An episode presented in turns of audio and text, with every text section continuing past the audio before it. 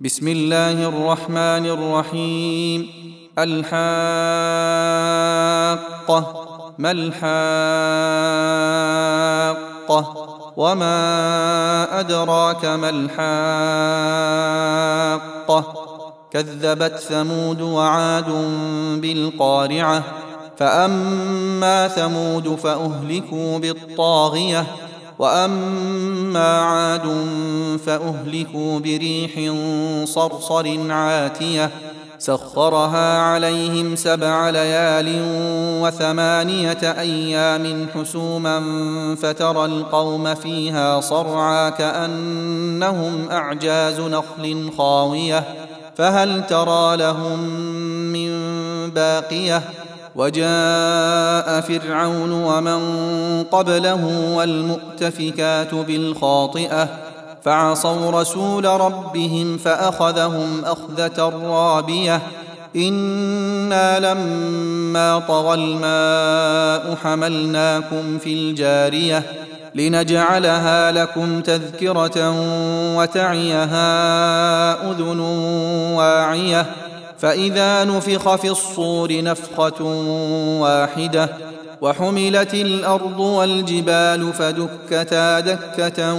واحدة فيومئذ وقعت الواقعة وانشقت السماء فهي يومئذ واهية والملك على أرجائها ويحمل عرش ربك فوقهم يومئذ ثمانية يومئذ تعرضون لا تخفى منكم خافية فأما من أوتي كتابه بيمينه فيقول هاؤم اقرءوا كتابيه إني ظننت أني ملاق حسابيه فهو في عيشة راضية في جنة عالية قطوفها دانية.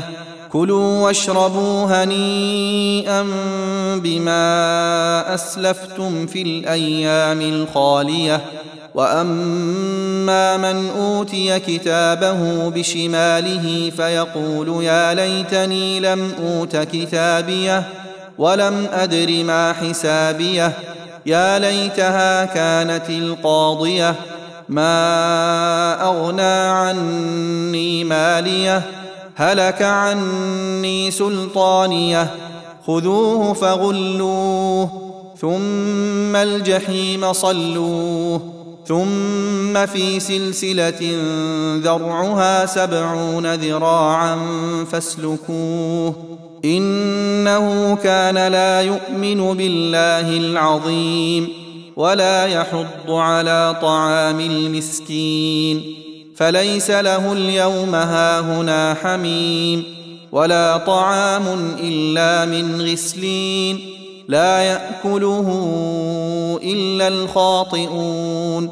فلا أقسم بما تبصرون وما لا تبصرون. إنه لقول رسول كريم. وما هو بقول شاعر قليلا ما تؤمنون. ولا بقول كاهن قليلا ما تذكرون. تنزيل من رب العالمين ولو تقول علينا بعض الأقاويل لأخذنا منه باليمين ثم لقطعنا منه الوتين فما منكم من أحد عنه حاجزين وإنه لتذكرة للمتقين وأنا لنعلم ان منكم مكذبين وانه لحسره على الكافرين وانه لحق اليقين فسبح باسم ربك العظيم